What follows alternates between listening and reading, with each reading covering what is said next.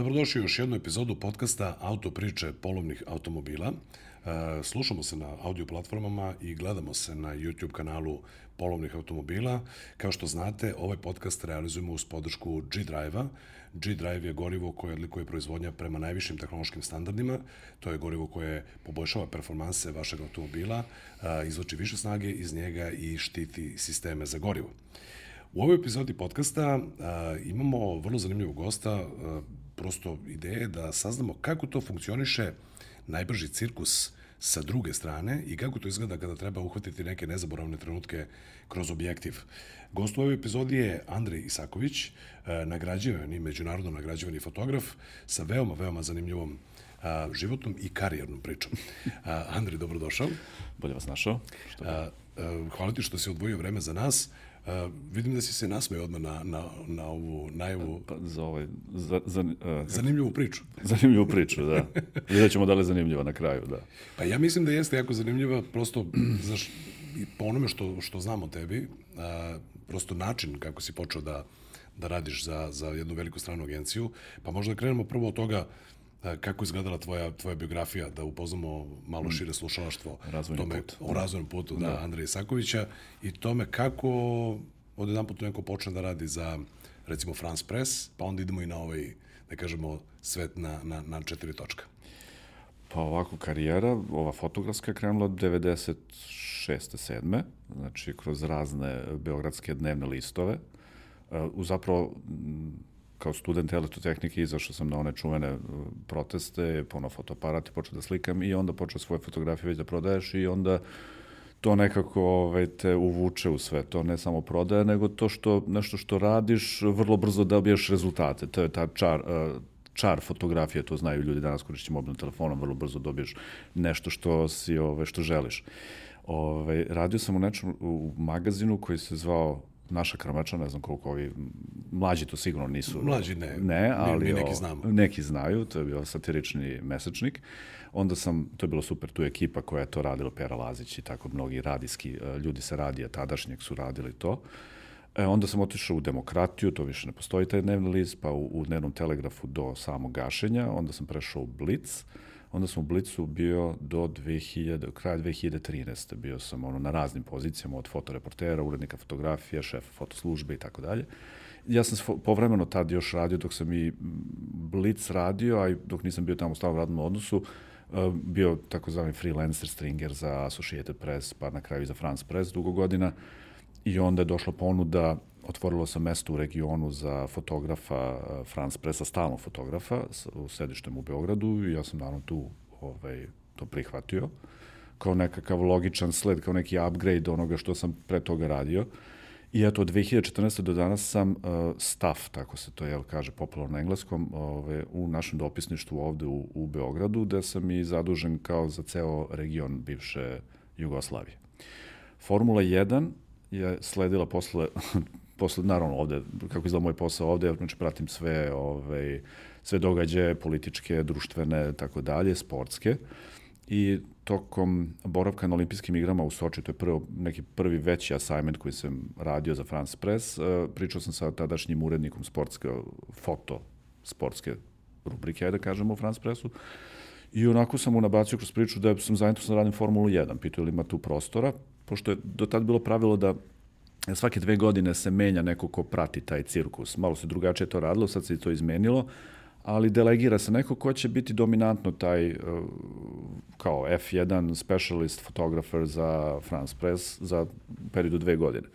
I tad je isticao ovaj, mandat, ajde da kažemo, jednom od tih fotografa i ja se prijavio, oni su rekli kao, jesi sigurno da želiš, sad se ovo sigurno već je bilo kao, za, šta to zna, zašto sigurno, zašto to pitanje, Ove, ja sam rekao da, želim. I onda je krenulo. 2015. su oni to odobrili. Prvo sam dobijao te, ima tu dva tipa tih akreditacije, dobijaš ono trka po trka ili race by race dobijaš akreditaciju da bi tek sle, da bi sledeće godine 2016. dobio tu permanentnu. Permanentno znači da sad sa tom akreditacijom mogu da odem na bilo koju trku Formule 1 ili imam pristup. Znači, to je, ali mi pravimo u agenciji, pravimo godišnji plan šta ću ja od trka uh, pokrivati zbog jel, iz ekonomskih razloga da se na vreme kupe karte hoteli i tako i logistički. Jasno, to sam samo da te pitam, izvini, koliko je tu konkurencija, pošto si ti očito znao da kolega ističe mandat, da li to velika konkurencija bila? Pa ima zainteresovanih, ima zainteresovanih, ali na kraju to nekako uh, pa ste, ja sam prvi, prvi put tad i, i otišao sliku u Formulu 1, oni su povratno na ona prethodni neki portfolio i na tu moju neku zainteresnost odreagovali kao ajde, što da ne.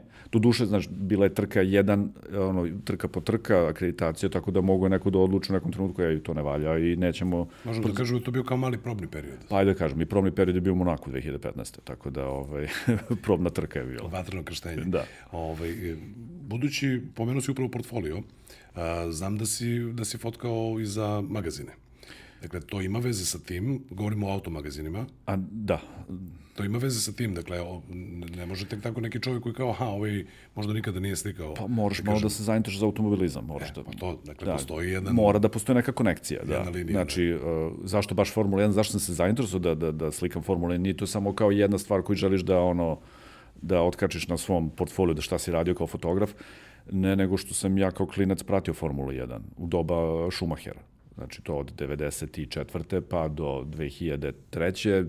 onako intenzivno sam pratio, posle se to malo, posle sam se malo pogubio više, pratio sam jednu sezonu, ono, on, sezone dok je Vettel bio uh, dominantan u Red Bull i nekako posle sam malo manje ja to lično pratio nek tako kao intenzivno kao klinac tih mislim da bio klinac bio sam stari adolescent ja sad upravo htio da kažem da si mi da si mi povod uh, blizu smo da kažem s godinama a malo čas smo pomenuli mlađe slušalce mlađe gledaoce Ove, ti svakako prepamtiš i Nigela Mansella i Pikea i, da, i Alena ali, Prosti.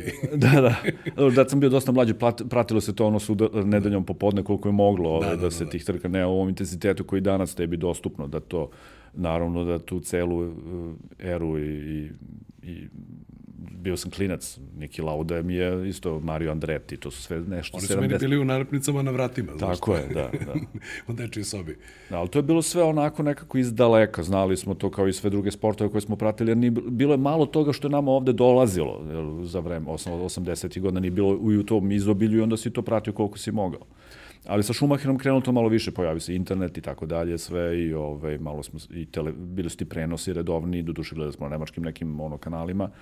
Ovaj, I eto, to je ta kopča neka. A spomenuo si uh, magazine, da, dok sam radio u, Blicu, to jest u toj grupaciji, tada je to bila Ringier Axel Springer, uh, izdavao se Autobild da, magazin. Autobild je bio da. licencno u Ringeru. Da. da, i tu sam se upoznao sa našim kolegom, dragim kolegom Denom Potkonjakom. I, Pozdrav pjev, i, da, i pjevac ovaj, isto bio urednik, naš sportski ured, ured bio urednik u Blicu, pa je, onda smo napravili jednu ekipu i pozvali su me da li sam zainteresovan da, da, da, rad, da probam i to, da napravimo ekipu koja će da, da, da slika automobile i da, ovaj, i eto, to, to je isto, pri, značilo je, mislim, značilo je što sam radio sa, počeo da radim sa ljudima koji su jako u automobilizmu, pa su mi oni neke stvari isto i, i preneli i Deki koji radio nekad pre u top speedu i na način koji su one fotografisali, mi smo to isto sve ubacili autobuild, pa smo ove, radili neki lifestyle tu i tako da je to sve nekako sledilo dalje da, mislim, dobro sam bio potkovan za ono što ide dalje.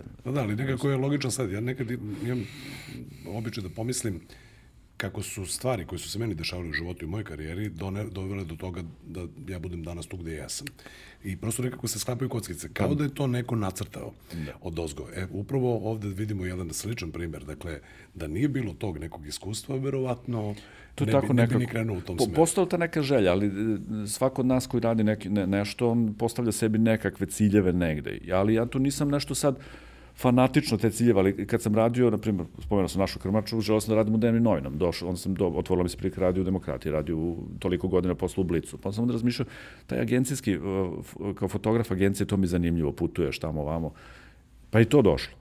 Pa dok sam sad u agenciji, onda ovde u, u regionu, hvala Bogu, nije toliko intenzivno više što tiče izveštavanja novinskog, bar nismo međunarodno interesantni, što je dobro, srećom. srećom. Ovaj, onda sam i po savjetima nekih drugih starih fotografa koji su radili u drugim agencijama su me savjetovali, malo su brat pažnju na sport. Sport nisam, iskreno nisam, osim basketa ni, koji volim i da igram, i igra, mislim sad više i slabo i to praktikujem, ali basket koji mi kao ovde nekako nam je to u krvi, to sam i slikao. E onda se počelo pomalo još i neki drugi sportovi, onda su mi ukazali to, ajde malo taj sport bolje, jer to će ti saču, mislim, zna, zvuči grubo, ali sačuvati posao, zato što to da. i da ne možeš, breaking news možeš telefonom da napraviš u današnje vreme, ali sport ipak moraš se profilišeš i kao fotograf, mora postoji posebna oprema i tako dalje. Možda jedno širenje portfolija, odnosno širenje svojih mogućnosti da čovjek može da obezbedi sebi ne samo egzistenciju, nego i da kaže, ok, imam posla. Te u dogovoru za, za snimanje ovog podcasta, ti i ja smo razgovarali uh, telefonom o tome koji dan, koji datum, koje vreme, pa si ti rekao, ako se ne desi nešto strašno, da. i on sam rekao, na primjer, eruptira avala. Da, da. Dakle, to se, ja u srećem nije desilo, pa, pa smo zato tu. tu. Da. Znači, kažem, sa tog, e, iz te agencijske priče, ako se ne desi nešto zaista e, da. krupno što treba izvestiti odavde ili blizu nas. Jel? Da, po regionu koji sam zadužen. Pominjamo sad Kozlodu i, i da, da, da, da. Ali agencija šalje tamo gde poslali bi mi na, na neka druga mesta. Ali se nekako godinama unazad profili su više za sport. Znači, osim, moram da spomenuti, umesto ne, samo Formulu 1, Uh, prati... Si VRC fotografisao, tako? I, I jednu trku. I Aha, tu sam se oduševio. To je bilo, kad je bila ove, prva trka u, u Hrvatskoj. Uh mhm, -huh. To je bilo pre dve godine. Da, to je isto super. Super je. Ove, to, je, to, je, to je bilo ono vreme korona 2000 20, 21. Jel primećuješ da se svima nama su se ove zadnje dve, tri godine nekako pojele? Nekako, da, pojele su. dakle, da. pre dve godine, eto, da tako kažemo. Da, aproksimativno da je tako, da. Znači, da, VRC, bio sam to na jednoj trci, super. E, samo što ne pratimo, na primjer, pošto Formula 1 u okviru naše agencije dalje se kotira kao jedan uh, od top sportova, znači olimpijske igre, svetsko prvenstvo u futbolu i Formula 1. Čak i tenis je ovi, Malo stepenicu niže. Vjerojatno. Malo niže, jer je lokalnog ipak karaktera, ipak karaktera, zato što Wimbledon, na primjer, prati ekipa koja je u Londonu. Ja mogu se prijaviti da, da kažem, ono, podim dva prsta kao za Formulu 1, ja bi, ja bi da radim neki tenis i oni bi našli neko mesto i poslali me. Jer e, super što radim u agenciji koja voli malo i da da, da ubacuje i, i da stičeš neka nova iskustva, da, da radiš neka druga, neke druge sportove, da se uklapaš, zato što se nekim ljudima malo i to dosadi. Evo sad smo mi krenuli isto i u Formuli 1, nisam ja jedini, radimo mi, ja nažalost ne putujem u, Amer, što kažu, u Amerike, znači ne idemo u Južnu Ameriku, u Severnu Ameriku, to ne radim, to radi ekipa tamo.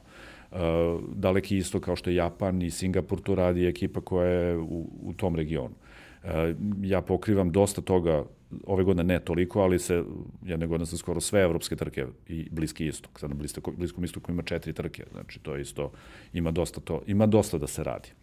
I ovaj sad sam malo odlut, da, i, osim znači osim Formule 1, dosta sam krenuo da radim atletiku, isto je jako, to je baš onako sad je nešto što je visoko tehnološki sport, dolaziš u nešto što se vraćaš ono prirodi, vraćaš se čoveku.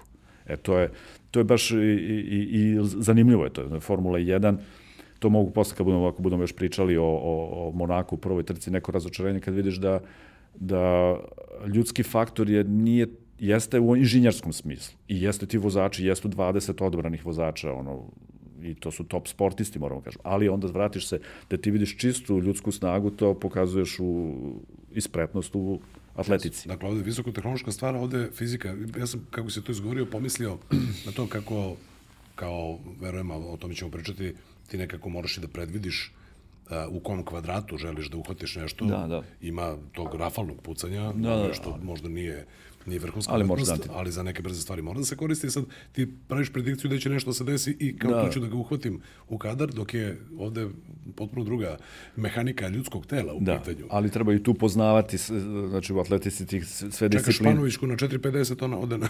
da, a ona preskoči ceo. Ovaj. To da. je sada Ivanu Vuletu, pozdrav da. za nju. da. da, bio sam u, u prošle godine u Minhenu kad je ona osvojila mm. zlato. Da. I to, to je jako lepo kad neko naš a ti si još tu, pa onda... Pa kad a to kaže, svira himna?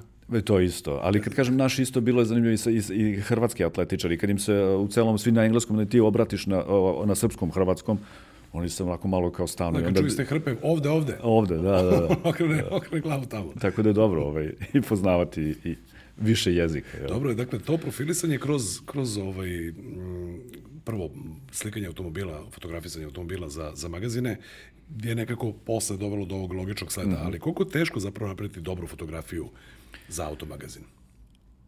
Pa, za auto... To, to, je, to je statična stvar, pa ima i, i u vožnji. Dakle, imamo prvo pa, statične fotografije da mi vidimo kako automobil izgleda. Ili mi pa, se dobro, na ovom kanalu bavimo, radio... ali kamerom, snimanjem automobila i uvek posvetimo dosta vremena slikanju tih detalja. Da. Ja nekako pokušavam da mi u montaži uvek damo, uh, ovo je li video živa forma, da damo što je više moguće ti kadrova s polja, zato što verujem da ljudi koji vole automobile vole da vide kako on izgleda, da vide kako da. izgleda u vožnji, kako bi oni možda izgledali u njemu.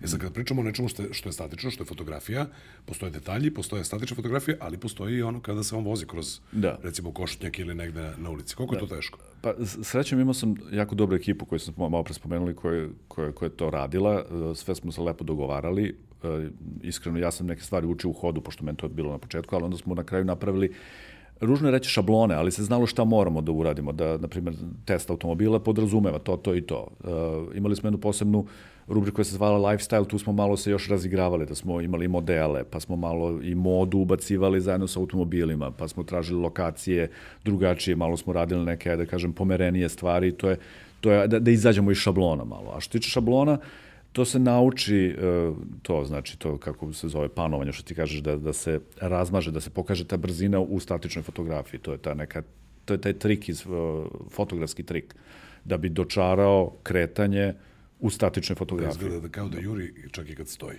Tako je. ok, sad si pomenuo izlazak iz šablona, pa je vreme za jedan zanimljiv izlazak iz šablona.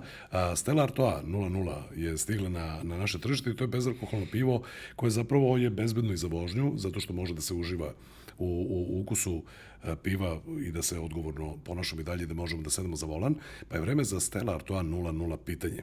A to je pitanje za tebe, šta zapravo za tebe znači bezbedna vožnja, odnosno šta je za tebe bezbedna vožnja kao takva i kako vodiš računa o sebi i o drugima u saobraćaju?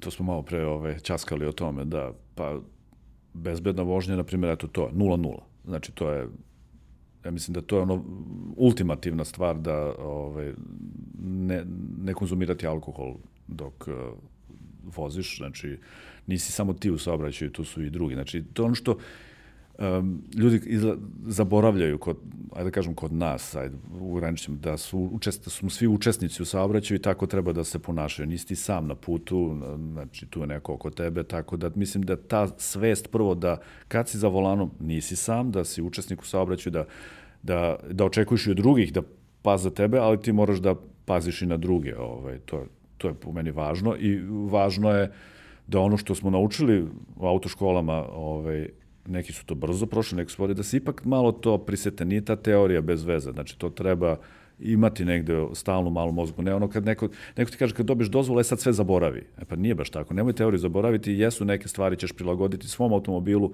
ali mora se i dalje to ovaj, Dakle, odgovornost, pre svega, mislim odgovornost, da to, to prvo je, evo, odgovornost prema drugima i odgovornost prema sebi, da. a pre svega preduslov da se ne konzumira alkohol kada se vozi, kada, kada se, se uživa alkoholu koji ima, alkohol, onda neka nas neko drugi vozi. Tako je. A evo, postoji 0,0 piva sada i Stella Artois 0,0, pa možemo i da uživamo u vrhunskom ukusu i da i da, Uživamo da, da vožnju. zavolim. Tako. Tako.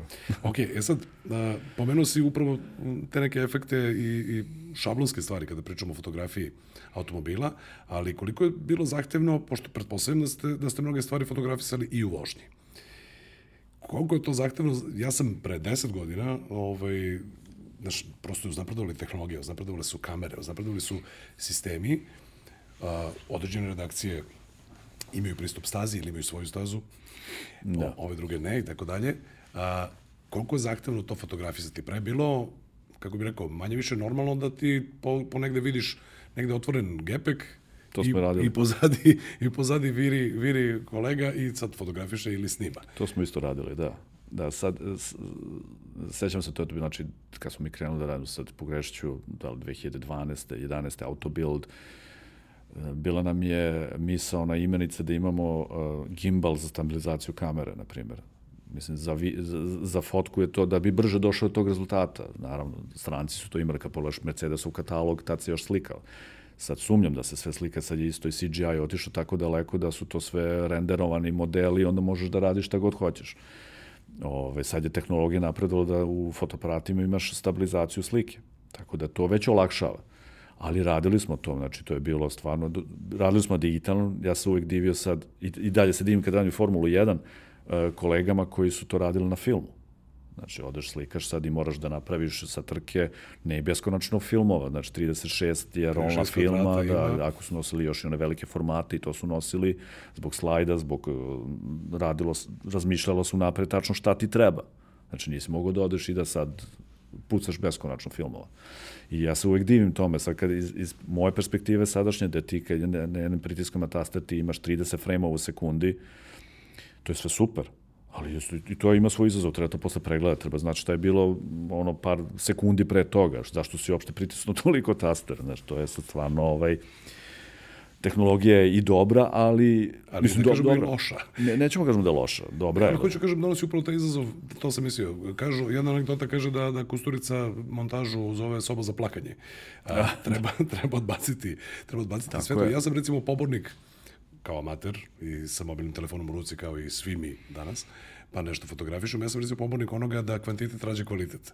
Ja ću radije uraditi više mm -hmm. fotografija, ali posle mi je, znaš, kako ovo da bacim, ne mogu, sve su mi kod deca. Tako je, da. Posle to je to najveća muka za profesionalce Jeste, da, da, ti. To, to možemo posle kako izgleda taj workflow, pa da, ovaj, ali da se vratimo na ono, da, gepek i to, to je bilo super, stvarno, to je bilo super i gledali su nas ljudi po gradu, ona, mislim, ra, mislim, vjerojatno i danas rade to ljudi koji su ovo... Tu i tamo vidim. Da, vidim i da, da, bilo je, sad se mogu se montiraju, postoji i bolje, i GoPro Pro je sada bolji nego što je bio, pa možeš imaš više uglova i sve. A tu se opet izgubiš u tom uh, moguć, u, u tim mogućnostima, da samo staviš kameru na šta god hoćeš, da god hoćeš i tako dalje, onda šta da radim, onda, onda to, pogotovo vi koji date ovaj, video, kad tu izbaciš pred montažera, on ne znam kako mu je. Znaš, Moja najveća muka je zapravo taj proces kasnije montaže, znaš, pa, da. šta da izbacimo, šta da ostavimo i kako da odaberemo i čime, čime da pokrimo. Čak smo u nekim videima pre, sada već ima godinu dana, koristili smo i one 360 kamere, mm -hmm. što je zanimljivo, da što sam onako probno stavio sa strane pratićeg vozila, da ono to snimi i onda tu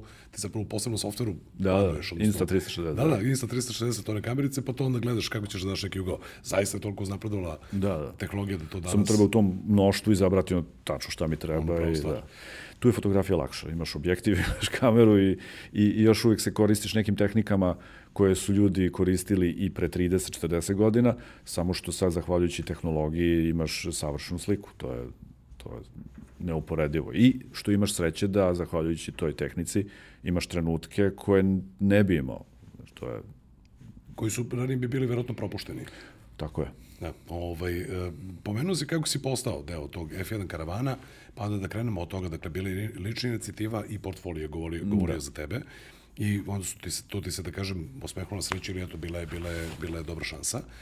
A, e, tvoja prva trka je Monte Carlo. Jeste trka Monte Carlo, Monako, to, tu su uvijek zbuni. Mo, Monako je uh, kneževina, a Monte Carlo je grad. Tako je. Da. Ove, ovaj, pa se mi kad navodimo to u captionu, pa se onda kaže da uh, trka Monte Carlo, Grand Prix of Monte Carlo u Monaku, ili hoće obrnuto, tako da malo zbunjujuće, ali to je to.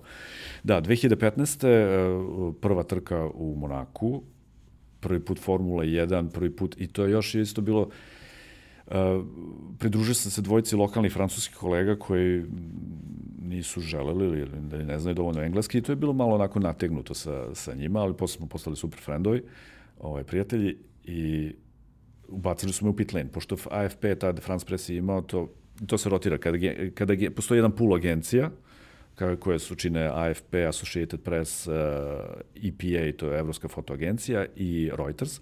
I onda mi imamo taj rotirajući pool od trke do trke za neke, za neke pozicije, pošto ne mogu sve da nas puste zbog limitiranog broja uh, fotografa. To je na pit wallu, u pit lane-u tokom kvalifikacija i, i trke. I onda sam ja mene su odmah ubacili, ono, kao, kao u vojsci, ono, na koje je bio, zna, ono, ko je gušter, njega ubace da radi najgore stvari, mene su ubacili tu i onda, ali za mene to bilo isto neverovatno iskustvo, znači, u jednom trenutku ulazim u taj pit lane i razmišljam, da li je moguće, da, da, da, sam, da, da sam ja tu, nalazim, da, da, da, da. i još da slikam to i sve, i, i ti bolidi koji izlaze ispred tebe, ono, kao što ti ja sad sedimo, to je ta blizina i sve. Znači, neverovatno je prvo taj osjećaj bio, ali onda jedno, mi je zasmetala jedna stvar, pošto sam iz posla gde si ti kao reporter, kao novinar, ti si uvek u kontaktu sa ljudima. Šta god, ti si imaš jako, bli, jako blizak odnos sa, sa čovekom koga ili fotografiš ili izveštavaš, šta, šta god radio.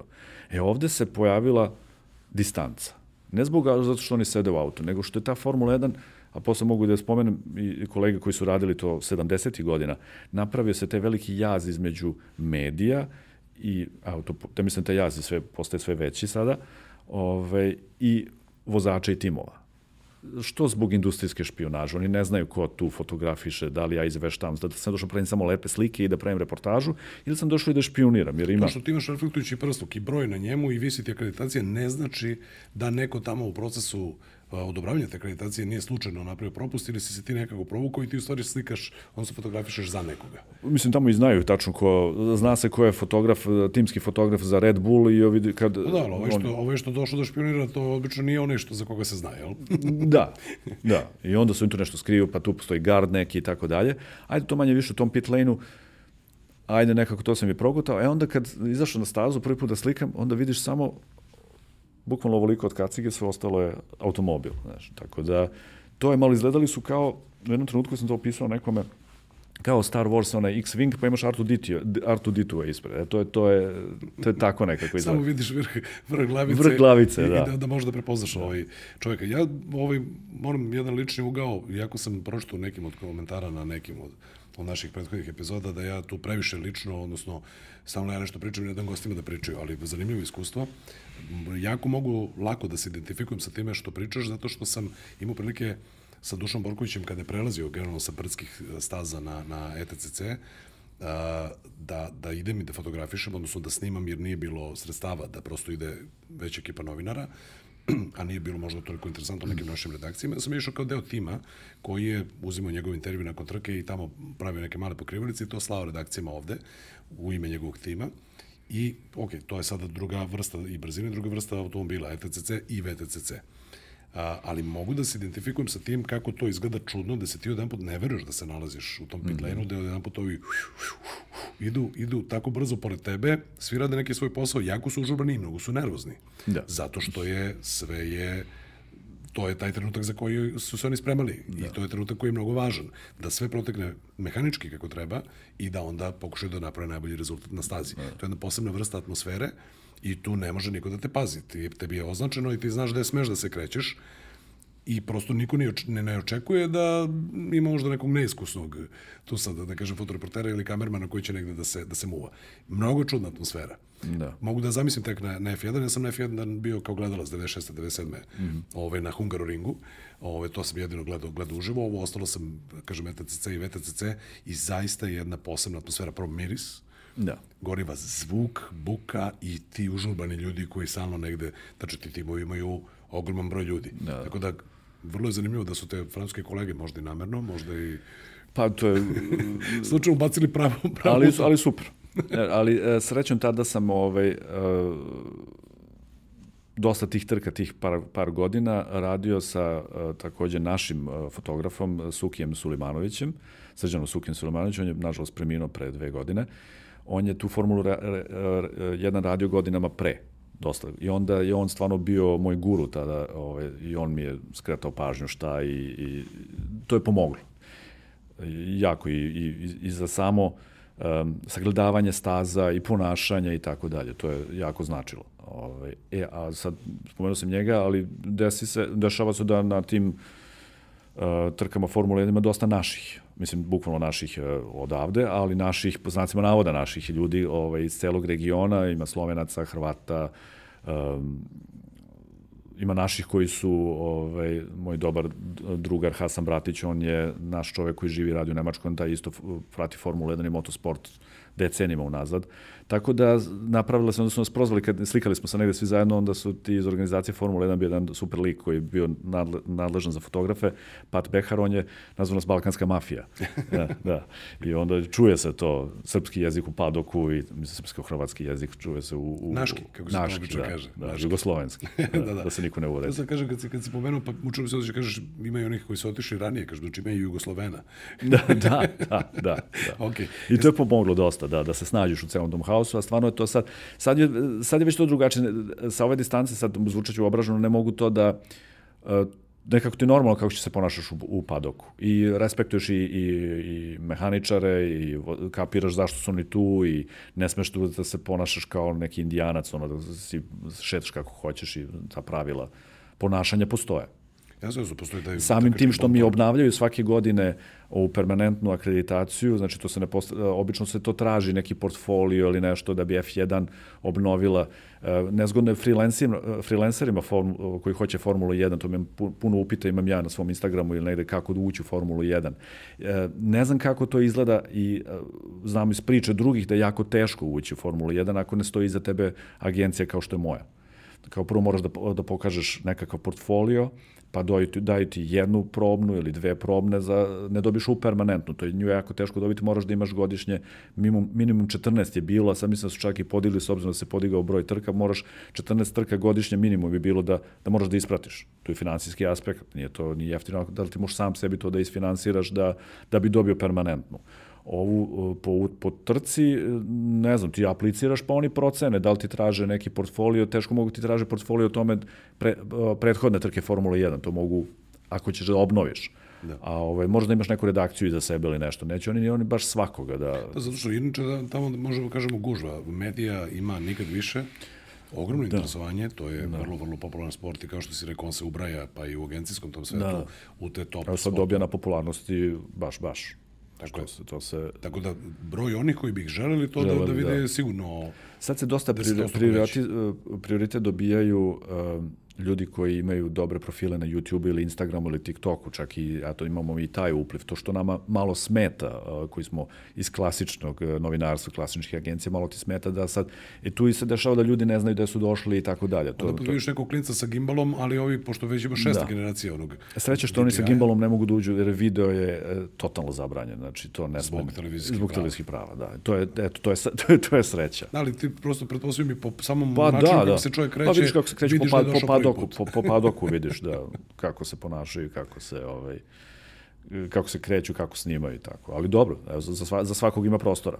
Pomenuo si da zapravo pokrivaš, e, kako kada, ali da pokrivaš jedan deo tih staza, odnosno jedan deo mm -hmm. sezone. Na kojim si sve stazama bio? Pa u Evropi, znači pomenuli smo Monako, bili smo Monca, Imola, u Španiji nisam nikad bio, zato što tam drugačije ovaj, imamo podelu posla.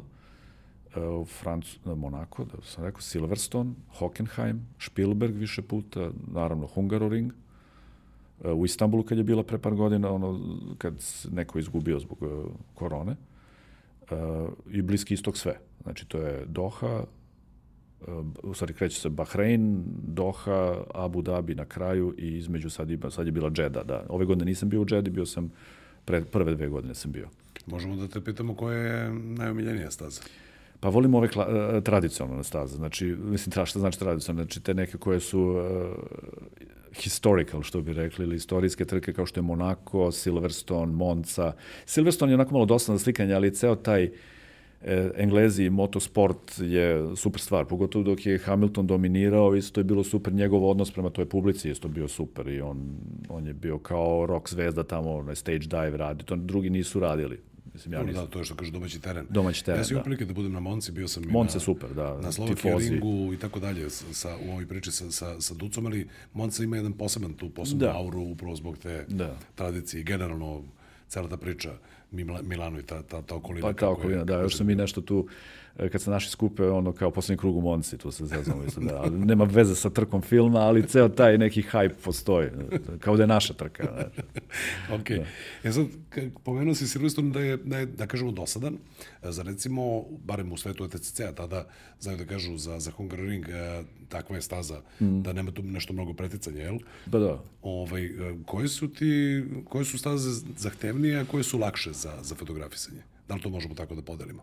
Pa možemo u onom, uh, možemo podeliti u dve kategorije. Znači, uh, uh, u smislu da su teže da dobiješ dobru sliku ili teže da se uopšte krećeš po, po stazama. To je ovaj, to se ne mora da se preklapa, znači ne ima staza gde teško doći do nekih, desti, do nekih pozicija, zato što možeš da koristiš šatl ili možeš da pešačiš, ali na kraju možeš da dobiti dobru sliku. Ove, a ima lake su staze, na primjer, kao što je Spielberg. 4 kg, 4 km je krug, možeš da ga desi mi se da neki put i obiđem, napravim ceo krug. Mislim, pređe se, kad je vikend, trkački vikend oko 12 km, 15 km pre pešačima, ako je tačno, ako je verovati ovom pedometru u telefonu. Ja mislim da, da im, da im da. jeste verovati. Ja to primetim po sebi kad nešto snimamo, ako snimamo ovaj automobil taj dan kada snimao automobil, ja sam prešao vrlo verovatno oko 10.000 koraka, Da. zato što sam non stop nogama i nešto idem tu. Nešto vrtiš oko se, njega, da. iako ja ne držim ovaj, Da. mašinu. Spielberg je super zato što i on nudi mogućnosti za ta staza nudi mogućnosti da da se ovaj naprave zanimljive slike, bude ono zelenilo, malo uklapa, malo tu pravimo, ra, mislim, po znacima navoda, razglednice, kad nemaš, to su do, tokom ovih eh, treninga i ovaj, tokom treninga. Kad je trka, onda imaš par pozicija gde gde se pozicioniraš gde možeš da očekuješ da će da se desi i dalje se najbolje, po znacima navoda, prodaje, jer je i priča i slike uh, nekih udesa. Nažalost. Srećom ti udesi su od, u današnje vreme prilično iz, budu bezbedni po vozača. Mislim, mi vidimo auto na šta liči sve, ali vozač iz, izađe nije mu ništa, bar na, na prvi pogled. Da, to ti sistemi se inače napređuju i postoje Da. i stalno se inoviraju. Ti si upravo pravi trenutak za digresiju. Ti si dobio, dobio međunarodnu nagradu za jednu fotku koja je upravo nastala Da, da, Udesu. 2012. septembra 2021. u Monci. Znači, to je ova... Da opišemo, Opi, inače- opisat ćemo inače- možda ljudi su verovatno i videli, oni koji se prate automobilizam sigurno su videli, a verovatno ne znaju da sam ja to napravio, pošto, eto, ono što, na pitanje kako do te slike, ja rekao godine iskustva i čiste sreće. Znači, to je, to tako nekako ide. To je fotografija kada točak eh, od eh, boli, eh, točak bolida Maxa Verstappena pada na glavu Luisa Hamiltona srećom to je pokazalo da je onaj Halo koji niko nije voleo, da zapravo je koristan i da je, je, zapravo... to je bar treći život koji je uh, sačuvao. Znači, Lewis Hamilton je bio, mislim, treći spašeni život. Ovaj, zahvaljujući Halo. Prvi put je bilo u, u Belgiji, prve godine kad je uveden, kad je Alonso pao na Leclerca, pa je onda Grožan, kad je proleteo kroz on u Bahreinu, kad se zapalio i proleteo kroz bankinu, njega je u stvari, on je bolid je prošao kroz bankinu, a zahvaljujući Halo koji je od titanijum je, on je razvukao ovu bankinu i on je prošao. Inače, da nije bilo toga, ko, mislim, možemo samo da naslutimo šta. završilo, da. Kao i Lewis Hamilton, on se žalio malo na vrat. Ima ta, to, vidi se na fotografiji kako njemu udara točak na, na kacigu, ali, ali nije primio ceo udarac. Ceo udarac nego Ceo, Helovuza, da. A, mi ćemo, kako bih rekao, podcast je i sve vreme se ponašamo e, tako da, da se orijentišemo uglavnom tako kao da nas ljudi samo slušaju, ali nas i gledaju, mm -hmm. a, gde mogu da pogledaju tvoje fotografije, da izdiktiramo, da izdiktiramo neki Pa domen. možemo staviti posle u opisu, ovaj, znači Instagram profil, znači pod eh, mojim imenom i prezimenom mogu naći, nickname je i Andrej, kao ono aj Andrej, pa eto tu mogu da vide. Uglavnom je Formula 1, sport i tako neke, onako moje neke impresije. Širi portfolio, nažalost, mislim te, imam i sajt, ali uh, agencija je takva da ona to moraš da budeš pretplatnik. Možda i može da se gleda, nisam ni siguran da li su možda promenili model sada, ovaj, da li može i tu da se pretražuje, ali to može samo da se gleda, ne može se downloaduje i tako. U svakom slučaju, zlatna medalja, međunarodno priznanje uh, AIPS, dakle, AIPS, da. do- dodeljena ti u, u Dohi. U Dohi, da, dve, prošle godine, da. I kakav je osjećaj? Pa izuzetan. Izuzetan je pogotovo što e, to daje, to dodeljuje AIPS, Udruženje međunarodno sportskih novinara. I to znači kad ti neko u svom esnafu još uh, odluči o tome da ti budeš ovaj, najbolji, i pored svih kolega fotografa koji rad, čin, ono, fotografišu neverovatne stvari i ti budeš na vrhu, to je stvarno ovaj, izuzetan osjećaj. To je, ja se nadam da će biti češ, još neki put, ali i ovo jednom je ovaj, Dosta je. Do, lepo je. Dobro, lepo. E sad, lepo je, da. A, ja sam napravio malu digresiju. A, dakle, kad pričamo o tim zahtevnim i nezahtevnim, da kažem, stazama, odnosno jedne su više ili, ili manje zahtevne, i pomenuo si pozicije. Dakle, postoje neke omiljene pozicije na kojima možeš da očekuješ određene stvari. Da. Određene krivine, čak neke, neke određene pozicije, po- uzme televizija možda, kao što se Pa- desilo recimo upravo u, u Monte Carlo, da određene pozicije više ne postoje za Tako je. Tako I to je. je. Vjerojatno se desilo na još par mesta, zato što Jeste, je to super to- kadar za televiziju, a tu je vama baš zgodno da... To je bilo super, to, ali to, ta pozicija je lepa, nije to toliko ekskluzivno u smislu da će tu, dešava se, to je onaj hairpin, uh, menjalo je naziv, menjalo naziv, to je ukosnica ispod hotela, sad hotel se zove, dobro, ja sam sam stao mozak kako se zove hotel, ali svi znaju, to je prepoznatljiva Ukosnica, da. ukosnica u, u Monaku i mi smo bili uvek unutra, un, un, un, unutar krivine, to je spoljna strana, ali ti si u samom špicu te krivine bilo je dozvoljeno, nije red zona, znači mogo si tu da stojiš, pa smo to radili, to panovanje između palmi si, pozadije hotel, da publika je neka, ima taj neki um, duh Monte Carla, da se taj, ne, osim onih e, skupih jahti, ima taj skupi hotel u pozadini, skupi automobili onda imaš tu formulu i to je neka lepa slika. E to su nam, ja, ja sam ubeđen da je to F1, TV F1 video kao zgodan, lep kadar i onda su oni uzeli za sebe samo. I sad više, tu ne stoji kamerma, nego stoji robot kamera koja radi to što smo mi radili i sad uveli su i slow motion, što je zgodno, jer tu oni neki put udare na one curbs ili, ili već kako, kako na ivičnjak, pa uh, malo se podigne točak i lepo je mesto kočenja, verovatno im je to za neke, za neke lepe uglove, ali uh, taj, ako sudar se neki desi, bolje je slikati to sa spolja, samo to je unutrašnja strana staze, to je isto kad mi komentarišemo da li si na spolju, na unutrašnjoj strani, da bi znao da, da kad s kolegama razmenjuješ informacije da li si bio unutra ili spolja. Dobro. Da, da, e, ovo je, na primjer, unutrašnja staza da ti ono, vidiš kako oni dolaze i tu desi se neki put da se neko do, ovaj, dođe do kontakta. Dođe do kontakta, da. Da, da. Što kažu, in, in, in i out, postoji razlika, dakle. A da. I, može I bude, onda su tu različite perspektive. Znači, može da bude čitava razlika, dakle, ajde da pričamo, ako, ako pričamo o Monci, ti stojeći ovamo u, u pit lane-u, ti tamo vidiš publiku i ako slikaš scenu, da, da, da. to je grid, ti vidiš i publiku, publiku i ako stojiš da. auto, onda gledaš da. tamo ka, ka boksovima. Da, recimo Monte Carlo nudi baš da, da, da možeš da napraviš e, svaki dan, svaki trening, nekoliko pozicija promenim, da napraviš različite fotografije, ono, krupan kadar bolida, široko, da se vidi kao neka razlenica, još ako se desi ne, ne, neki incident. Dešava su i to tokom, što je gradska trka i vrlo, je, vrlo zahtevna trka, dešava se da naprave grešku vozači udare u bankinu ili se polupaju ili tako. Ne, ne, mora, ne mora da bude da se oni nešto međusobno. Ovaj, da, mogu da, da se oštete što greška u vožnji. gradski mobilijar. da, da. Mi ovo snimamo dan, dva, nakon dan, nakon nakon ove trke u Melbourneu, pa eno, i Verstappen da. je produžio u šljunak. Desi se.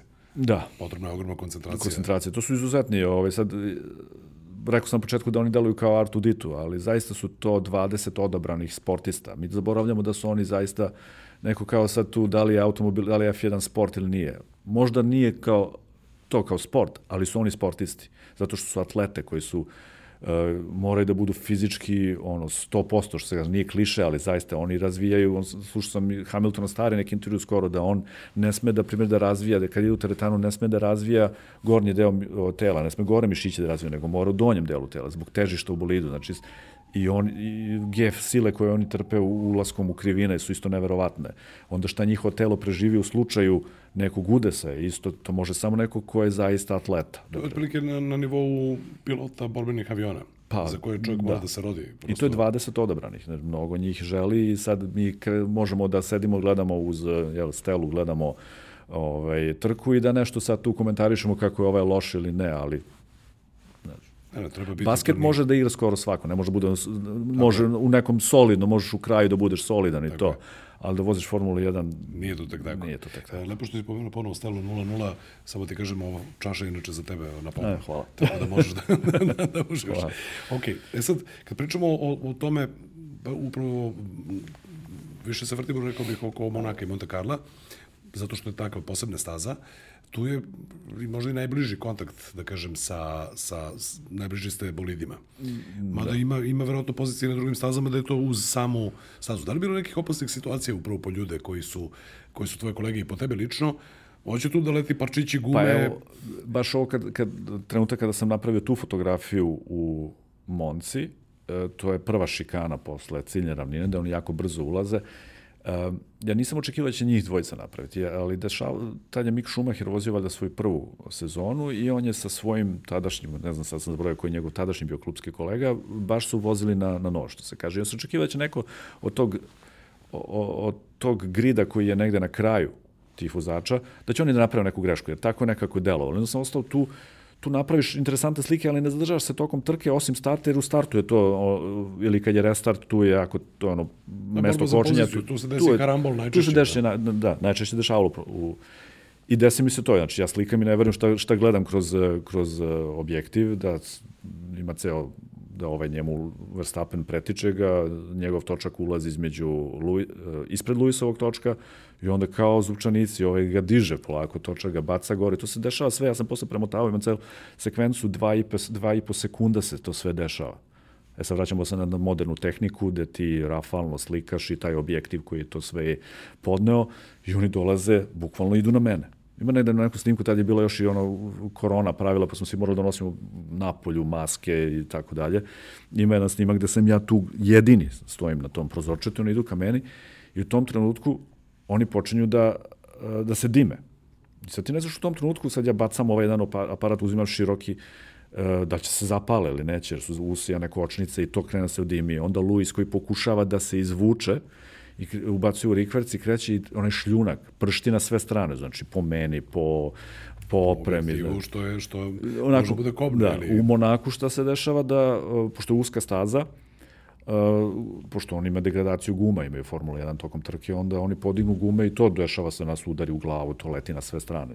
Nije bilo, bilo toliko nekih uh, Ja nisam doživeo tako nekih ono incidenata da baš jer moramo pazimo moramo da pazimo na sebe, ima isto od trke do trke postoje takozvane red zone gde sama FIA ne dozvoljava da iko stoji jer je jako ovaj nebezbedno. šansa da je nebezbedno. se tu nešto desi da, i, to, da i tu su da. tu su jako rigorozni da da oduzmo, oduzmo akreditaciju ako treba da, kao primer da tu ne može jer si rizikuješ uh, svoj život. Da, tu ja znam, pa nikome... Mi svi potpisujemo da smo odgovorni na, za sebe tamo kad preuzmeš akreditaciju, ali ipak možeš da i poštuješ pravila koje ti oni to je rules of engagement koje možeš da potpišeš na početku sezone. Da, pravilo službe što kažu, pa, odnosno da. da. da, ne bi se desilo. I ne toleriše se ako neko tu sad hoće da eksperimentiše, jer su u suštini ugrozio si sebe tu. E, pravila, isto kao pravila, i u avioindustriji, pa, kao tako, da. ovako ili da. nikako. Pa se vi sad u to uklopite. Sad, Ali ima sme, smešno je u Monaku baš, ovaj, imate jedna pozicija kad Charles Leclerc je napravio grešku pretprošle godine, to je njegova domaća trka i to je isto velika tenzija i tako dalje. To je ona šikana kad se izađe iz eh, baze, od bazena. Što je Herceg Monačanin. Ja sam ovaj, da kažem, ovaj monarhista. da, monaskez, kako bi, da, teško je to, ovaj, da. I ja sam bio isto pokušali smo slikamo ovako kroz samu bankinu, ima otvor, pa da slikamo jako blizu prolazi, ima i tih slika na, na, na profilu, na ovom mom portfoliju, gde je jako točak, krupno, i ja prolaze jako blizu tebe, znači to je na par centimetara. Znači, osjećaš vetar i sve, i, znaš, i zvuk i sve. I desilo, ja sam otišao s te pozicije da slikam kraj, jer je to bila kvalifikacije, i on pravi grešku i udara. Tu, bukvalno gde sam ja bio. Bio kolega Vid iz Slovenije, on je baš bio u tom trenutku. Sreća u nesreći njegova da nije gledao, ali se kaže što nema sliku kroz to, ali bi ga udarila jer je menjao u tom trenutku menjao objektiv. Da. Ali dobro što... Da, to imao je sreće, da. Imao je sreće, to da. da pitam kako to izgleda. Odbacilo bi ga nazad, ne bi se on tu nešto povre... ali bi bacilo bi ga sigurno nazad. Ne, može da bude, može da bude rizično, ali šta hoću da kažem, kako to izgleda kada ti imaš ljudski instinkt da se povučeš, eto, njih dvojica idu prema tebi, da, da. a imaš profesionalni instinkt da čekaj da ovo, da čekaj, da, da, da, da. Kako da. to... Pa to je, to je adrenalin u tom trenutku, to, nema, tu nema, to nije racionalno. Kako kaže, psihološki ima ono, uh, bori se ili beži, a kod fotografa profesionalnih vrhunskih... Ideš napred, da. Da, da, ne, ima i taj treći. Znači, da. bori se, beži, škljoci. Da, da, da, slika i pa, da. Flight or fright. Dakle, da, da. and, and take a photo. Dobro, sad, uh, pomenuli smo te neke, te neke pozicije uh, i pomenu si shuttle. Dakle, kad menjaš pozicije, zavisnosti, u zavisnosti od staze do staze, negde postoji šatla, negde je to pjehe, jel? Tako je. Tako, sad da ne idem sad kroz sve staze, Monako sve peške. Znači, shuttle servis ne postoji zato što ove nove staze su, kada su planirane, one su planirane, imaju te... Imaju internu saobraćenicu. Tako je, ne samo zbog fotografa, naravno, nego to je zbog emergency, zbog, ono, u slučaju neki, nekom vozaču se nešto desi, imaju te kako se kaže na naše požarne puteve. Pa da, ili prelazne staze, kako god. Tako da. Tako, bude, tako da se oni koriste e, za, za taj shuttle servis da imamo ovaj vozača kombija koji potrpa unutra fotografije onda razvoze na pozicije koje želiš i oni sa nekim stazama ili roti, ono voze kao gradski autobus rotiraju ili uzmeš broj telefona vozača i on ga pozoveš on dođe pokupite i vozite nazad. Monako moraš da šetaš i to je onako, mogu budem turistički vodač, vozič, ovaj, vodič sada u Monaku, uh, moraš da znaš neke kratice kuda da se ovaj, što brže prebaciš s jedne lokacije na drugu, brdovito je, tako da je to ima svojih... Ovaj, ono je dobro za kondiciju. Dobro za kondiciju, da. dobro. Da. E sad pomenuo si upravo kolegu iz Slovenije koji je bio u situaciji da ima sreću u nesreći. da li je bilo i koliko je bilo propuštenih prilika i kako izgleda taj proces kajanja ili kao pa dobro, nema veze napravit ću Znaš što, to je... drugi put, nadam se. Pa to je ono šta čini dobru tu novinsku fotografiju biti u, u, na pravom mestu u pravom trenutku. Ali ne možeš da budeš na više mesta u tom trenutku, tako da to moraš da shvatiš. Može da ti bude krivo, možeš, da može ti bude krivo ako si bio tek, samo što si, bio si tu i otišao si i se desilo. Ali Moralo tako da bude. To je očigledno. Eto, ja sam posle toliko godina imao tu sreću, i, ali ću reći iskustvo koje dolazi anticipacijom. Nešto mi je rekla, ostani tu. To je bilo nešto. Nisam očekivao da će ova dvojica da se slupaju ali i, i to poznavanje tehnike, da, to, što ti rekao malo pre, da u tom trenutku reaguješ možda iracionalno za neke, da i dalje stojiš tu i da slikaš, jer tu si, zato si, znači adrenalin te ponese i to je to. To this, is, this is what I love to do. Dakle, tako je. sam ovde. Tako je. Tako je. Sad kajanja nema. Znači, ja, mogu se samo setiti e, kako, pošto nas dva do tri fotografe iz iste agencije prati trku, mi se dogovorimo u startu ko će koje pozicije da uzme i tvoje, znači ja imam, ja imam običaj da, pošto ja radim najviše trka, onda kolege koje imaju priliku da rade jednu trku godišnje, njima pustim da izaberu, trudim se tako da birajte šta hoćete koju poziciju hoćete, onda ja uzmem drugu. Da se ne bi najgluplje moguće, može se desi da dva čoveka koji rade za istu agenciju ili kompaniju dođu jedan pored drugog, dešava se to, ali to je jako, trudimo se da se to ne desi da napravimo neki sistem rotacije, kako ćemo se krećemo, da pokrijemo što više, jer mi ipak radimo za neko, ne radimo za svoj portfolio. U, l, u nekom smislu je lakše onim fotografima koji rade samo ili za sebe, pa onda ili jure e, stoje na mestima da očekuju da će biti sudar, jer znaju da će to da nabolje prodaju da bi isplatili svoj put. A mi opet moramo sve klijente da zadovoljimo, moramo da imamo i, i što više predstavnika vozača. Svaka zemlja, primjer, danci su ludi za svojim Kevinom Magnusonom Znači, oni nam traže stalno šta god Kevin Magnusson, da li bio 20 ili prvi se nije desilo da je bio, ali, ali žele Dakle, postoji, da, da kažem... Mi moramo da ispunimo nešto. lista da ti kao, aha, moramo, moramo da slikamo to, njega da, da. i fotografisat ćemo ga sigurno, nebitno je... Dakle, da. I onda u tom menjanju ti moraš, da takav je dogovor, ti se menjaš poziciju, ja sad ako se u toj promeni, jer tako smo se dogovorili, desi da neko drugi ima, ja sam iskreno zadovoljan i srećan zato što neko iz mog tima to uradio. Zato što smo se dogovorili, nekako smo predvideli, to je timski, e, timski rad. Da, jako lepo. I dobro je kad se napravi tako plan. Pa to, da. je, to je najlogičnije da se to tako radi.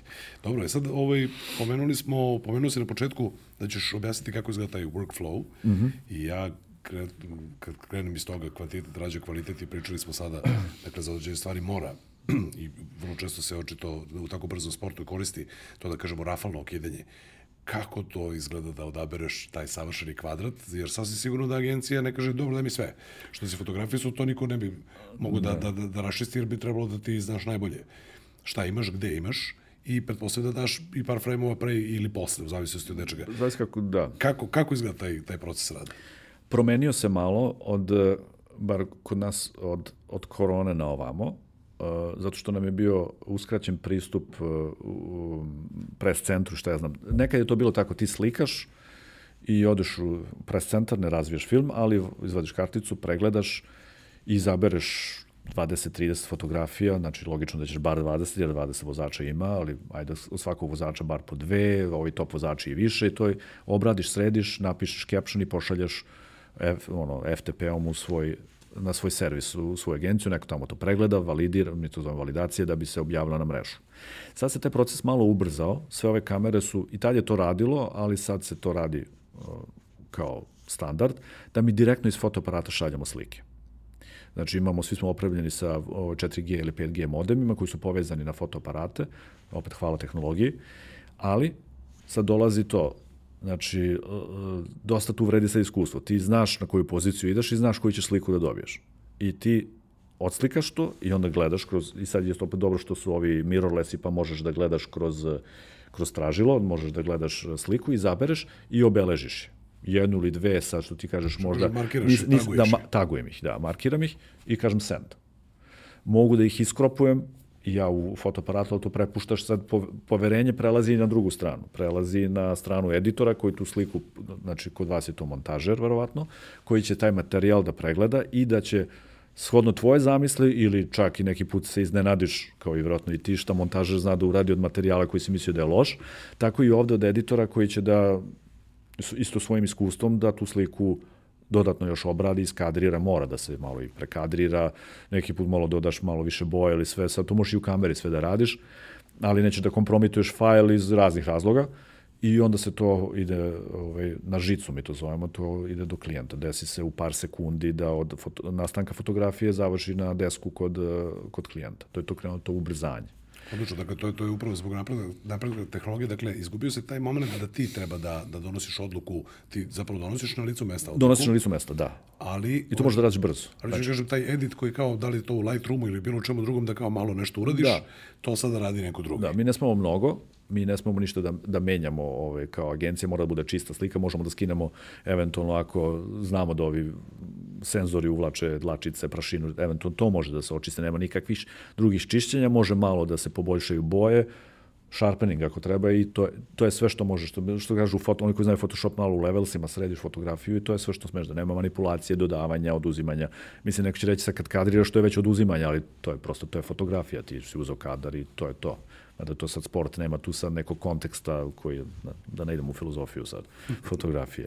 Ok, e sada budući da to a, već dugo, dugo godina si u tome i, i već si nam posvedočio da se menja taj odnos, odnosno da postoji veći razmak između tih zvezda, top sportista i generalno ljudi, svih okolo ljudi sa strane, ali ne govorimo samo o publici, ovde govorimo o medijima, profesionalcima poput tebe i tvojim kolegama. A, kako zapravo deluje taj, kako, kako te zvezde deluju uživo, odnosno kada si tu blizu i koliko se to promenilo? Kakvi su recimo, znaš ono iz Munja, je se čuješ sa Šestićem? Da, kakav, da. kakav je Hamilton, kakav je, kakav je Alonso, kakav Oni su, je... oni su svi pod velikim pritiskom. Ja mislim da i to je sad zavisi kako ko se nosi sa tim medijskim uh, sa medijskim pritiskom, ne znači ne samo nas tu, nego i kad se završi vikend u svojim medijima gde je to na primjer engleski medija mislim da su prilično surovi prema Lewisu Hamiltonu bili i tako dalje. I to je možda uticalo na njegovo on znao je da se igra sa, na njegovo ponašanje u padovku, znao da se igra ja mislim, tako sam gledao iz početka kao da se igra sa fotografijom, da se krije, da ulazi na druge ulaze, šta ja znam, nekako izbjegao. Sad je on postao ležerni, ali mislim da mu je, sad je promenio opšte stil svog ponašanja, pričam sad o njemu koji je ono trenutno najveći, mislim nije trenutno, ali jeste najveći sa sedam osvojenih titula, Ove, egal je sa Schumacherom, promenio je taj ulaz svoj taj padok, menja garderobu i šta ja znam, malo tu, vjerojatno ima merchandising neki koji da on sad to što obuče, neko će možda, su, ne znam kako to sad sve funkcioniše, ali eto, on na- promenio je svoj pristup. E, različitih ima, vidiš kako George Russell je bio, drug, je, da, e, bio je, dok je vozio, gde je vozio pre, vozio Williamsu, valjda, pa sad kad prešao Mercedes, vidiš kako je malo dobio na visini i tako dalje. Ima toga što ti možeš kao fotograf, možeš da uočiš kako se ko ponaša. Daniel Ricciardo koji je super, koji se javlja, koji pita šta. Alonso, kako mu je on španac, koji je zaista kako je njemu dan, tako se i on ponaša prema svima. A on je, ali on je super facer, on je, ta, ta, nek, on je veteran tamo, nema stare. Kimi, koga nije zani, nisu zanimali mediji, ne, znači ni, prođe kroz tebe, ne zanimaš ga uopšte. Znaš šta. Mik Schumacher je, na primjer, isto bio pod velikim pritiskom nemačkih medija kad je ušao prve godine zbog jel, legacy Naravno, svog da, oca i sve, onda su svi bile u njega. On je isto, njemu to nije prijelo očigledno. Mislim da ga to isto dosta, dosta koštalo njegove karijere. Mislim, karijera još uvijek postoji, ali pitanje je da su ti, taj, što ima taj iza sebe za Celu, celu tu auru, da. auru, oca, Očekivanje, očekivanje. očekivanja i sve. On, nema tamo loših vozača, da budemo mi iskreni. Znači, Da, kao što si to rekao, su- to je top nijanse. 20, to je top of the top. To su nijanse tu, da. Tako da, interesantno je to zaista kako se ko ponaša. E, kad kažeš taj pritisak, sad to meni opet rezonira sa onim što sam ja, da kažem, iz tog prethodnog ovaj, angažmana i, i putovao sam i u Buzeta dok je još Duca vozio tu, tu, ovaj, to, to brdo. A, pa smo pričali više puta o tome i to sam primetio kod nekih drugih vozača, recimo da ne kače, neće kačiti svoj, e, svoje snimke sa GoPro-a na, na YouTube ili na neke svoje sajtove, zato što se kasnije nerviraju, zato što svi mi nekako, odnosno svi ljudi koji gledaju, znaju najbolje šta je Da, trebalo dobro, da, da. se uradi. E, ovde si trebao malo više desno, ovde si mogao malo više, više gasa i tako dalje. Postoji taj pritisak, znači jedno je očekivanje publike, pa tek onda ide ovo što je, što nekako i moraš da, da podneseš, zato što je to ono što čini sastavni deo tog posla, to je upravo prisustvo medija. Da, ali oni su sad uveli dosta i svojih, e, da kažem poznacima, svojih medija. Znači, nekada si, ako gledamo tim, imao je svog timskog fotografa. E, Znalo se da taj tim, timski fotograf malo špionira da gleda šta rade ovi drugi. Pa malo slika, pa deli, deli savjet inženjerima. Da to nekad bilo i transparentno, inženjeri su išli ono, da ne pričamo o romantičnim 70-im, kako su svi zajedno i putovali i tako dalje. Ove, bile su ta dva fotografa. Sad su krenuli, znači bilo je nevjerojatno pre par godina, gledamo, guraju se tri fotografa koji nose Mercedes uh, majice, znamo da radi, jedan od njih znamo da je jedan stari Engles Stevie koji radi od Vajka da radi za Mercedes. Onda još jedan Čeh koji radi Mercedes i još drugi, njivojica rade nekako zajedno, onda se pojavljaju još dvojica, u stvari još dvojica, jedan snima video uspravno, onda ti je jasno šta šta radi, radi za Instagram. Da, znači, TikTok radi, i Instagram, da. Tako je, i još jedan koji to isto radi horizontalno. On je za YouTube. Tako je. I to, je, to su četiri snimatelja samo za Luisa Hamiltona, pa onda četiri za Russella. Znači oni već imaju, dobro, ova dvojica ne, znači imaš dva, šest ih imaš, deset da bude njih šest koji snimaju za jednu garažu. Gde smo mi ostali. Da, da. je. Oni imaju bolji pri, oni pristup, oni mogu da uđu u garažu, mi ne možemo. Znači ja od kad sam u Formuli 1 nisam ušao ni jedan put u garažu. Ušao sam jedan put, sam žalio neku reportažu, ušao, ne znam, Toro Rosso, negde od pozadije na kratko, kao, zato što ima problem i ti šte, ka, ajde kažemo špijunaža, ne, ali o čemu pričamo, kad imaš sve vreme F1 kameru koja je svuda, možda su oni izbriefingovani da ne pokazuju baš sve, znači to je stvar opet poverenja. Ja stvarno da mi sad stave, ja ne znam, neko bi možda vidio na toj slici šta je nešto, ja to zaista ne bi tendencijozno radio. Da, da, neki aerodinamički dodatak ili kao, aha, onda ste ovako rame preključili, onda Mislim, ja to vidim i dalje kao neki, kao dizajn u tom. Meni, to, meni je to sve le, lepo. Slikao sam pre par godina, bio otvorena, bila kočnica kao ono, uh, operacija na otvorenom srcu, bila otvorena kočnica na Ferrariju. Ja sam stao da je slikan krupno. I onda vidiš kako oni dolaze i staju, dva mehaničara staju, sakrivaju. Mis, I ovako me gleda nešto popravno, misle da ja špioniram tu. Ja sam slikao samo što mi se sviđa kako to izgleda. Da, kompozicija je bila dobra. Ali ima toga, oni idu, čak postoji, na nekim trkama su radili da fotograf stoji u jednom, mislim da je to bilo u Zandvordu prošle pretprošle godine, ali to se dešava, to, ja to onako malo uhvatim, znači ne zanima me to, ali postoji fotograf koji stoji u toj krivini, slika degradaciju guma, na primjer on se radi za, za, radi za Red Bull i slika Mercedes, slika sve bolide u suštini, navodno za Pirelli, i slika degradaciju iz kruga do kruga. I šalje, ko što ja šaljem u agenciju, on šalje isto direktno svojim inženjerima koji gledaju, aha, ovaj će morati tad i tad da ide u jer nema pa onda prave, načina da- da- da prave to vidi, da. jer je, ceo sport je došao u 10 sekundi, Tako je. možda i manje. Znači, i onda moraju da, moraju da se tu nekako, ovaj, da se snalaze. Da, nekad je bilo to, aha, kilaža, koliko goriva, Tako pa ćemo ovo ili ona guma, ali nije to sve Sad je to, samo to. Sad, pa kao i 100 metara atletika, tu je došlo u, šta smo rekli, do, vratno će mora da pređu hiljadi tinke i, u, i u tom sportu. Vidjet ćemo kako će, možda, možda se budemo izmenili kao vrsta. Da, da. ok. E sad ovaj, e, dolazimo do pitanja čime se generalno osim kad nešto kad nešto ovaj da kažem agencijski treba da se da se pokrije e, čime se generalno baviš kad nisi na, na trkama ili kad nisi kad, kad nešto kako se relaksiraš šta voziš kako voliš da voziš kakve automobile voliš? Jedno, šta, šta volim, a šta vozim, to je sad, eh, mislim, do dušnom trenutku i volim ovo što vozim, vozim uh, Nissan X-Trail, o lepo. Da, ove, to trenutno vozim. Ja sam nekako ono, zakačim se za brand i onda vozio sam uh, Nissan Note dugo, sad ga vozi moja supruga, uh, pa smo onda jedno kra- kratko vreme, kako što si ti spomenuo, malo prevozili Kaškaj, pa se na, na, pronašla mogućnost da staro za novo, pa sam onda došao do X-Traila, ovog, ne ovog najnovijeg, nego ovaj ovaj prethodni prethodni. To, a ono, naučio da vozim na jugu, kao mnogi, verovatno. 17 godina sam vozio jugiće i, i ponosan sam na Dakle, to. to ti bio prvi auto. To mi je bio prvi auto, da. I meni. Jugo 55, da. Direktno sa, sa trake iz Kragujevca, da. To, a sad od skoro, supruga mi iznenadila za rođendan prošle godine, e, kupila mi električni bicikl i to je super stvar. Dobro, preporučujem znači, svima. Tamo gde je uzbrdica malo se pomogneš. Da. Jel može to, jel može to u Monte Carlo da se nosi? E, može, da. Samo što je ovaj težak i veliki, da. Ima voze, voze oni isto na stazama, ovaj, e, a sad su to, da, Formula 1 i pravila, sad su, za- valjda, za, e, dosta vozača koristilo bicikle kad idu, obilaze krug, pa rade taj scouting. Neke staze su duge, znaš, treba to išetati, vrućina džedi, ono, 40 stepeni, pa su vozili bicikle. Izgleda da je sad Formula 1 htela, ne znam da li su realizovali to, da im zabrane da voze bicikl na stazi. Da se ne bi šta povredili Ne znam, ili ne znam zašto. da ne otpadne neki šaf. Ne znam. Ja mislim da više pitanje brendova koji su tu na, na, na biciklu ili ne, ne znam. Znaju neki drugi sigurno bolje od mene o tome, o tim detaljima, ali eto to su im. Pa sad ima najnovije, to smo komentarisali baš sa našim drugarom uh, Srđanom Ercegom i, pa, i Pavlom Živkovićem, da su, hoće da im zabrane da mehaničari izađu da se raduju na pit wall kad neko pobedi.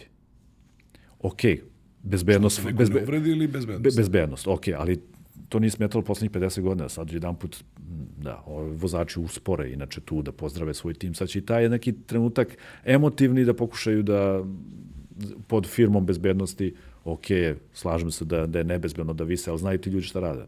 Pa da, oni su, mislim, profesionalci koji Pa, su tu mislim, na... da. I na tom vozač i ti ljudi koji rade i to da se, da se raduju. Tako da Formula 1 i, i, to sve nekako postaje Zahvaljujući Netflixu, sad zahvaljujući ili ne, to je onoj seriji Drive to Survive, dobilo je dosta na popularnosti, na mestima gde nije bilo popularno, kao što je Amerika, dobro, Australija sad ima 400, skoro 430 hiljada gledalaca imala ovaj vikend, Miami prva trka prošle godine 440 hiljada, Las Vegas ove godine se uvodi prvi put u istoriji Formula 1 će se voziti subotom. Znači, to pokazujemo koliko jedna TV serija i koliko mass medija kao, ali nije mass medija CNN, nego je sad uh, Netflix postao jedna serija šta može da uradi u jednog sporta. I zapravo si i svedok, e, lični, lično si svedok kako se menja F1 kroz godine, jer si, da, da kažem, ovaj, u upravo ovom tamo. kratkom periodu se dosta promenilo, od, eh, ali nije se promenio auto mnogo. Jeste dizajn sad ove dve godine, uh, pričali su mi prijatelji koji su išli 80, 90-ih, 80 i 90-ih Hungaroring, znači bez antifona nisi mogao da budeš, ja sad sam, sad je kao zvuk malo, malo bolje kosačice. Znači, bukvalno je takav zvuk, imaš Formula 1 kad si u... Moraš u Monaku da nosiš zbog, eh, Zbog odjekivanja, zbog odjeka, da moraš da nosiš nekim mestima, pogotovo kad uđeš u onaj tunel, to je stvarno onako nesnosno. Ali na ovo, kao Hungaroring, gde je otvorena staza, ti, ne treba ti ništa. Znači, oni su prilično to sve da nema taj zvuk. Pa ima i snimak, ne da neko to ukači, mo- možda od vas, ti ako si gledao na gde Lewis Hamilton daje intervju i onda neko prolazi sa starim Benettonom negde i u pozadini kako se je ono krenuo trgao se šta je ovo, Šta znači se čuje? pravi zvuk, da. Pravi ne stari zvuk. Pričali smo kolega koji odu u pit lane natera ih da posle mora da, da, da, da povraćaju. Znači, na, toliko od, od tih vibracija. i vibracije, i svega, vibracije svega, da. Ja, ja prosto moram sad ovde da ispričam onaj vic, verujem da ga svi znaju, z baka Monte Carlo i kaže, bako, jel vama smetaju ovi što se voze ovde ove formule, a ona kaže, ne, ne, ne. da. baš, baš, baš matur vic. I pred kraj, samo da te pitam, pošto smo pominjali sve te promene, ja sam prilike na VTCC trci da budem ovaj, baš na Hungaroringu, pa posle, kažem, na tim VTCC trkama i imao sam prilike da budem ovaj, na gridu, pre starta. Da, to je, e, da. sad se grid promenio. Sad se grid promenio, tu su pre bile devojke koje drže, Da, da, to- drže startne brojeve, to sve treba da izgleda atraktivno, sve to ima svoju dugogodišnju tradiciju, međutim i to se promenilo. To se promenilo, da. Koje godine? 2015. su još bile, 2016. 2017. pokušali nešto da uvedu baš u pomenom Monte Carlo, su ove, uveli e, i Grid Boys umesto Grid Girls. Sve to, ja mislim da je to sve u redu, znači to respekt prema ženama, seksizam koji postoji, ali a zašto nema žena vo- vozača Formule 1? Ako ćemo, ako ćemo tako, zašto nema više žena u timovima? I sad, da li je to što devojka stoji sa onaj lollipop se zove, da li je to unižavajući za žene, ne znam. Znači, to je sad opet pitanje. Ovaj, uglavnom, to je ukinuto. Znači, taj ne...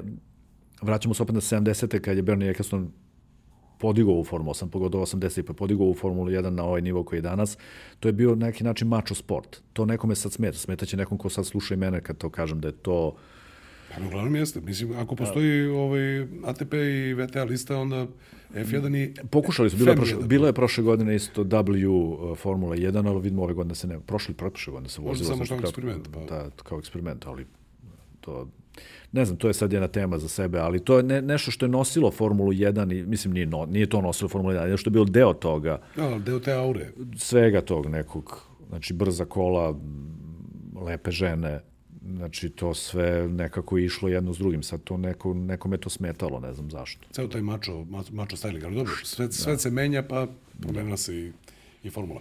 A, ja mislim da imamo materijala svakako za još jednu epizodu, tako da ti obećaj da ćeš doći kad budeš imao vremena. A, želim ti sjajne kadrove, želim ti još mnogo a, lepih, lepih ovaj, kvadrata, kao, ako to može tako da se kaže, i svakako još neku nagradu, mada evo, kao što si rekao i sam, i ta jedna zlata medalja, pa dobro Pa dobro, da dobio, da moram da kažem, da sam dobio Srbija pres foto, ovde, znači, da, znači lokalno je ovde priznato, tako da, da, za tu istu fotograf. Hvala puno na pozivu i rado ću se ponovo odazvati ako je bilo zanimljivo. Ja se nadam da je nekome ova naša priča bila zanimljiva. Ja verujem, ja verujem da jeste. Hvala ti još jednom. Hvala. A, hvala i vama svakako na slušanju. Ovo je bila još jedna epizoda podcasta Auto priče, koji kao što znate realizujemo uz podršku G-Drive-a, koje je gorivo koje je napravljeno po najvišim tehnološkim standardima, gorivo koja zapravo izlači više snage iz vašeg e, motora i poboljšava generalno performanse vašeg automobila i štiti sisteme za gorivo. Slušamo se na audio platformama i gledamo se na YouTube kanalu Polovni automobili. Naravno, ne zaboravite like, share i subscribe.